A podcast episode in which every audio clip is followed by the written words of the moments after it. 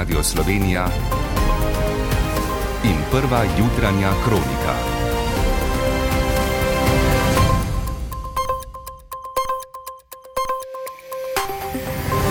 Ura je 5 in 30 minut. Dobro jutro. Ob mednarodnem dnevu žensk smo še do nedavnega ugotavljali napredek v zmanjševanju razlik med spoloma. V zadnjem času pa kaže, da je ta trend zastav ali celo nazaduje. Pri nas so razmere problematične predvsem na podeželju, opozarja programska direktorica Inštituta za proučevanje enakosti spolov Ana Pavlič. Stereotipna delitev dela, ki seveda rezultira v nadobremenjenosti žensk velika ekonomska odvisnost žensk, ki ženske sili v podrejenost in v podredljivost, normalizacija nasilja. O tej problematiki na svetovni ravni pa po nekaj drugih povdarkih oddaje. Zavrnitev SDS-ove resolucije o Rusiji kot podpornici terorizma. V priključevanju Švedske in Finske k NATO Stoltenberg zaznava napredek. Slovensko-bistriški metul širi krila za druženje starejših. Delno jasno bo na zahodu več oblačnosti. Z vami sva Maja Mol in Gregor Budal. Današnjem mednarodnem dnevu žensk se vrstijo opozorila na neenakosti med spoloma. Sprejemanje pravnih reform za doseganje enakih pravic žensk po svetu je bilo lani najpočasnejše v dveh desetletjih. Z nadaljevanjem takšnega tempa bomo enakopravnost med spoloma po ocenah Svetovne banke dosegli šele v pol stoletja, po ocenah Združenih narodov pa bomo potrebovali še 300 let. Rajka Pervanje. Napredek, ki smo ga dosegli v minulih desetletjih, izginja, je povedal generalni sekretar Združenih narodov Antonijo Guterres. Na svetu vsakih 11 minut moški družinski član ubije žensko. V Afganistanu so ženske izrinili iz javnega življenja, državnih služb, izobraževanja. V Iranu, kjer je zakorenjena pomembnost izobraževanja, so v minulih dneh zabeležili množico napadov z neznano snovjo na šolarke. V Združenih državah Amerike so lani po skoraj 50 letih na zvezdni ravni oni odpravili pravico do umetne prekinitve nosečnosti, čeprav Svetovna zdravstvena organizacija opozarja, da zakonitost splava ne vpliva na število opravljenih splavov, ampak samo na varnost posega. V Evropski uniji so omejili dostop do te pravice na mačarskem in polskem. Guterres se je zavezal obuditi prizadevanja za pravice žensk. Vprašanje enakopravnosti spolov je vprašanje moči, zato pozivam k ukrepanju na področju izobraževanja, dohodka in zaposlovanja zaposlovanja žensk in deklet, še posebej na globalnem jugu. Med področji, kjer participacija žensk še posebej zaostaja, so znanost, tehnologija in politika. Parlamentarni odbor za zunanjo politiko je sinoči obravnaval resolucijo o uvrstitvi Rusije med podpornice terorizma. Člani so se v več kot štiri ure trajajoči razpravi strinjali glede obsodbe omenjene države kot agresorske, a omenjeni predlog SDS-a so zavrnili. Nasprotovanje sta izrazili tako zakonodajno-pravna služba državnega zbora in vlada, tudi zaradi pomankanja pravne podlage za resolucijo. Državni sekretar na zunanjem ministrstvu Samuel Žbogar. Menimo, da razglasitev Rusije kot države podpornice terorizma ne bi prispevala k zaustavitvi ruske agresije in ne bi prispevala k umiku ruskih sil z ukrajinskega ozemlja, kar je naš osnovni cilj. Odbor pa je podprl sklepe koalicijskih strank o obsodbi ruske agresije in nadaljni pomoči Ukrajini. Nadaljno podporo omenjeni državi sta napovedala tudi predsednica Evropske komisije Ursula von der Leyen in kanadski premijer Justin Trudeau na srečanju v Kingstonu v kanadski zvezdni državi Ontario. Obravni ministri Unije bodo danes v Stokholmu razpravljali o skupnih nabavah streljiva za Ukrajino in misiji urjenja njenih vojakov. Zasedanja se bo deležil tudi generalni sekretar Zveze NATO Jens Stoltenberg, ki je včeraj v švedski prestolnici sklenil nov krok pogovorov glede turške ratifikacije pristopnih pogodb Švedske in Finske k zavezništvu. Igor Jurič. Generalni sekretar Zveze NATO Jens Stoltenberg je bil po pogovorih s švedskim premijejem Kristersonom jasen glede vstopa Finske in Švedske v NATO. This is a top priority. Vstop obeh držav je prednostna naloga zavezništva in Stoltenberg ocenjuje, da je bil narejen napredek.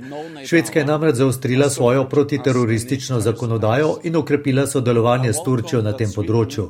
Prav tako ni več ovir za izvoz švedskega orožja v Turčijo.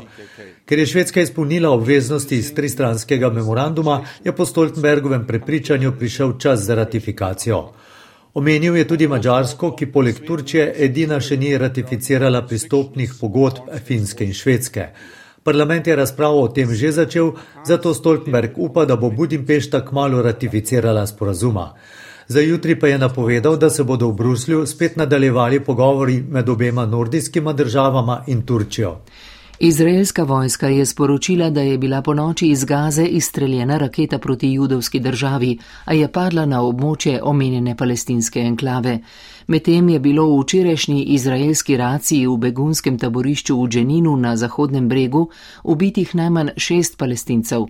Med njimi je bil pripadnik gibanja Hamas, ki je osumljen, da je v nedavnem strelskem napadu na judovsko naselbino ubil dva človeka. Prva jutranja kronika. Ura je 5 in 35 minut, sledita prispevka lokalnih dopisnikov. Nov 12-oddelčni vrtec bodo gradili v Vauti vasi. Občina Straža je pred dnevi sprejela proračun in s tem prižgala zeleno luč za začetek graditve. Jože Žura. Vrtec Krkine lučke deluje na štirih lokacijah, nobeno od njih ni bila namensko namenjena varstvu predšolskih otrok. Njihovo število se povečuje, zdaj je v enajstih oddelkih 190 otrok. Več let so potekali postopki za pridobitev zemljišč za zgraditev novega 12-oddelčnega vrca. Občina Straža zdaj čaka na pridobitev gradbenega dovoljenja.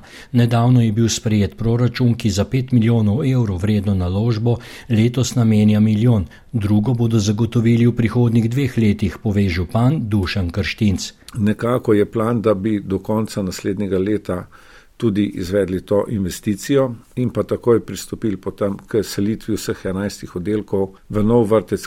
Obstoječe prostore matičnega vrca pa bodo namenili osnovni šoli, kjer jim primankuje prostorov za izvajanje programov. Namreč tudi v osnovni šoli je število otrok v zadnjih petih letih močno naraslo. Če govorimo o številkah, je to približno iz 300 na 390. Je še povedal župan straže Dušan Krštinc. Center Metul v slovenski bistrici, kjer se zbirajo, družijo in ustvarjajo starejši, deluje že 15 let. Med drugim jim zagotavljajo brezplačne prevoze z avtomobilom in imenovanim Metulček. Odkar je center lani vsebinsko, strukturno in finančno prevzela tamkajšnja ljudska univerza, se je število članov povečalo za četrtino, več je tudi dejavnosti. Center Metul je obiskala Nataša Rižnar. Ob obisku smo člane ujeli pri jutranji telovadbi. To je le ena od mnogih dejavnosti, ki jo Center za starejše Slovenska Bistrica omogoča svojim članom. Redno hodim na telovadbo, to je veliko, veliko vredno za nas. Potem po telovadbi pa gremo na druženje, na kavo.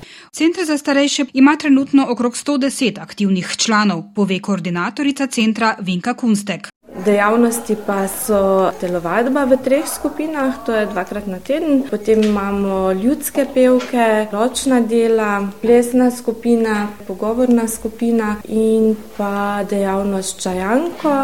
Imamo pa še tudi skupino namiznega tenisa in pa keglačev. V zadnjem času pa omogočajo tudi brezplačne prevoze za starejše. 16 prostovoljcev opravi povprečno 35 prevozov mesečno. Tudi sicer Metul deluje po načelu prostovoljstva, poudarja direktorica Ljudske univerze Brigita Kruder, ki je lani prevzela ta center pod svoje okrilje. So praktično vsi vodje skupin so člani Metulja in so prostovoljci. In na ta način potem tudi zbiramo interes, zbiramo želje, potrebe. Delovanje centra Metul financira občina Slovenska Bistrica in sicer letno za nameni 50 do 60 tisoč evrov. Na predvečer današnjega mednarodnega dneva žensk so v Ljubljani odprli mednarodni feministični in kvirovski festival Rdeče zore. Ob tem so prav tako tradicionalno razglasili antinagrado Bodeča neža. Najbolj seksistično izjavo minulega leta je izrekla ravnateljica Valdorfske šole Simona Pajk. O značilnosti letošnjega ožjega izbora neprimernih izjav, ki širijo sovraštvo ter napadajo in žalijo na podlagi spola, spolne identitete ali usmerjenosti, Maja Peharc. Letos še posebej se mi zdi, smo opazili veliko izjav politikov in političark iz obeh polov, iz obeh spektrov, um, kar na en žalosten način pokaže, da je v bistvu ta neka patriarhalna družba in splošni seksizem nekako povezovalni element um, v tej politični sceni. Podrobne o tem in drugi problematiki, na katero posebno opozarjamo ob 8. marcu v drugi jutranji kroniki ob 7. V prvi sledi še šport, z vami bo Marko Pangrc. Prijetno sredo želim.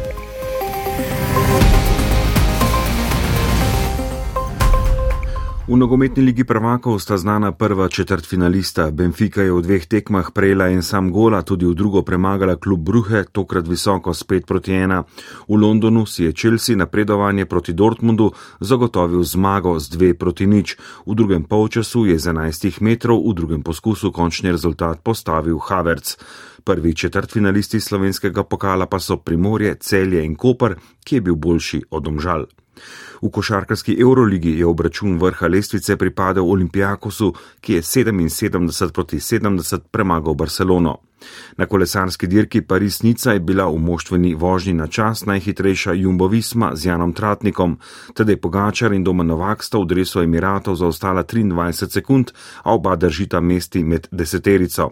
Na dirki od Tirenskega do Jadranskega morja pa sta bila Primoš Roglič in Luka Mezgec v cilju druge etape v času zmagovalca, najhitrejši je bil nizozemec Fabio Jakobsen.